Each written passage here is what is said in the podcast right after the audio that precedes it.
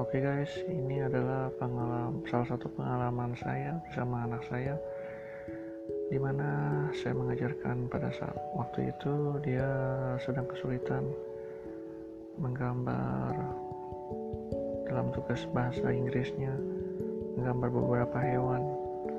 Namun pada saat dia kesusahan itu ada perasaan untuk membantunya sebenarnya. Tapi di lain pikiran saya ingin dia mandiri. Jadi saya bilang sama dia Irin kamu coba dulu gambar sendiri ya ini ada contohnya dari buku Inggris kamu.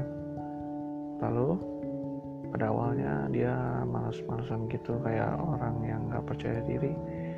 Namun dia akhirnya mencoba gambar.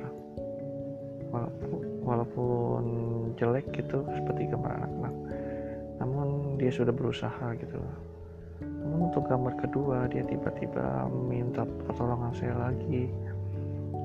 Dan akhirnya saya berkata seperti awal-awal tadi. Dan tiba-tiba dia menangis. Seperti uh, bingung gitu. Tadinya saya mau membantu dia cuman tiba-tiba saya ada ide. Di mana pada akhirnya saya menggambar sendiri melalui contoh buku Inggris dia. Yuk Yerin kita gambar sama-sama gitu. Dan apa yang terjadi guys? Akhirnya dia menyelesaikan PR dia semuanya sendiri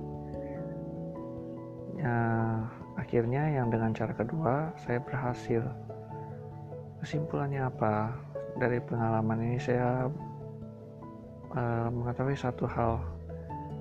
Di mana anak kita kalau sedang kesulitan dalam mengerjakan PR-nya jangan hanya memberitahu dia jawabannya atau mungkin memberi contoh begitu tetapi kita turut di dalam kesulitan dialah istilahnya. Kita turut berbagi kepada dia. Jadi dia ada saya semacam spirit gitu semangat untuk dia mau berusaha mengerjakan PR-nya sendiri. Terima kasih untuk mendengarkan pengalaman pertama saya. Sampai jumpa di dalam rekaman selanjutnya